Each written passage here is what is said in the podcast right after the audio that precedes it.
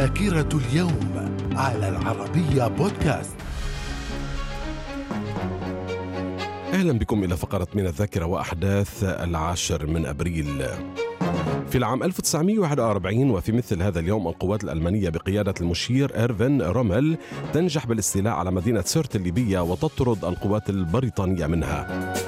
في العام 1946 عقد أول انتخابات في اليابان بعد الحرب العالمية الثانية وكانت من نتائجها فوز 39 امرأة في العام 1957 الحكومة الأردنية برئاسة سليمان النابلسي تقدم استقالتها للملك حسين بسبب تصادم الرؤى بينهم حول السعي للانضمام إلى حلف بغداد.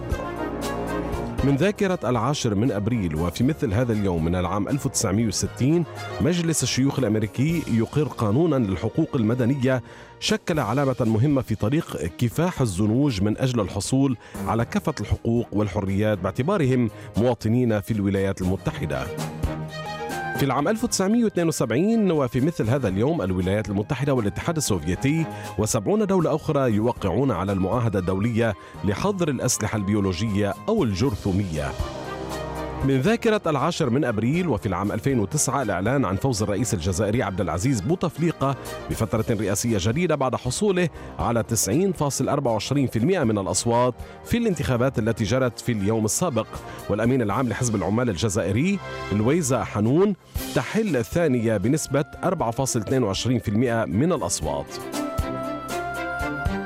من مواليد هذا اليوم في العام 1910 وفي مثل هذا اليوم 10 أبريل ولد عمر أبو ريشة شاعر سوري. في العام 1933 ولد في مثل هذا اليوم عمر الشريف ممثل مصري. في العام 1940 ولدت نوال أبو الفتوح ممثلة مصرية. في العام 1952 ولد ستيفن سيجال ممثل أمريكي.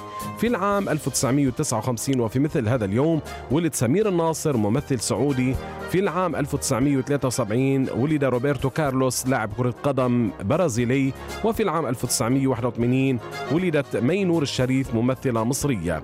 في العام 1585 وفي مثل هذا اليوم 10 أبريل توفي البابا غريغوريوس الثالث عشر بابا الكنيسة الرومانية الكاثوليكية.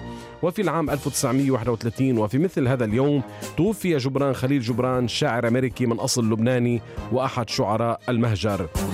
في العام 1973 وفي مثل هذا اليوم توفي كمال ناصر شاعر ومناضل فلسطيني من الذاكرة.